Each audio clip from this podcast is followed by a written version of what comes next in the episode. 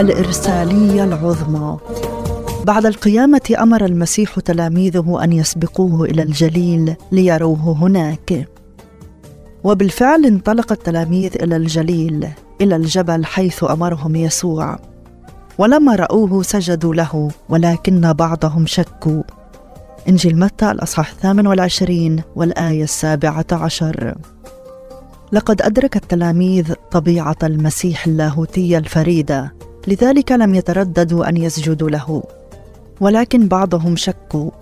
عندئذ تقدم يسوع وكلمهم بكلمات الإرسالية العظمى. دفع إلي كل سلطان في السماء وعلى الأرض. فاذهبوا وتلمذوا جميع الأمم وعمدوهم باسم الآب والابن والروح القدس وعلموهم أن يحفظوا جميع ما أوصيتكم به. وها أنا معكم كل الأيام إلى انقضاء الدهر. وهنا نقف أمام أساس هذه الإرسالية. فقبل أن يرسل المسيح تلاميذه عرفهم على أي أساس يرسلهم. إنه يرسلهم بناء على سلطانه وقدرته ويؤكد لهم أنه دفع إليه كل سلطان في السماء وعلى الأرض. بناء على هذا السلطان أرسل الرب يسوع تلاميذه وأرسل كنيسته في العالم. والرب يسوع يختم كلمات إرساليته بوعد وها أنا معكم كل الأيام إلى انقضاء الدهر.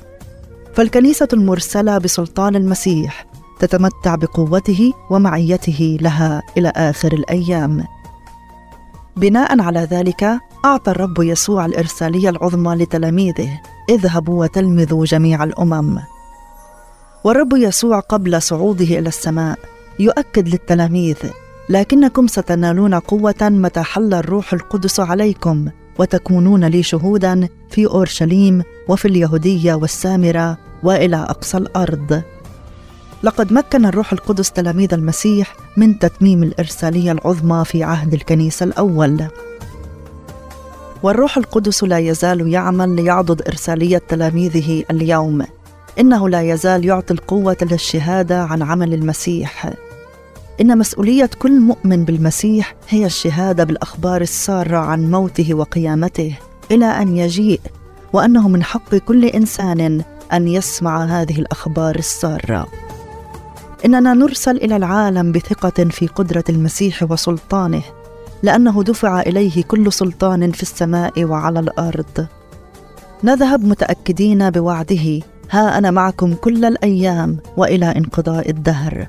ونشهد عن محبته بقوة الروح القدس الذي يمكننا من تتميم الإرسالية العظمى. هل أنت متأكد من قدرة الرب يسوع أنه دفع إليه كل سلطان في السماء وعلى الأرض؟ هل تختبر سلطانه وقدرته في حياتك؟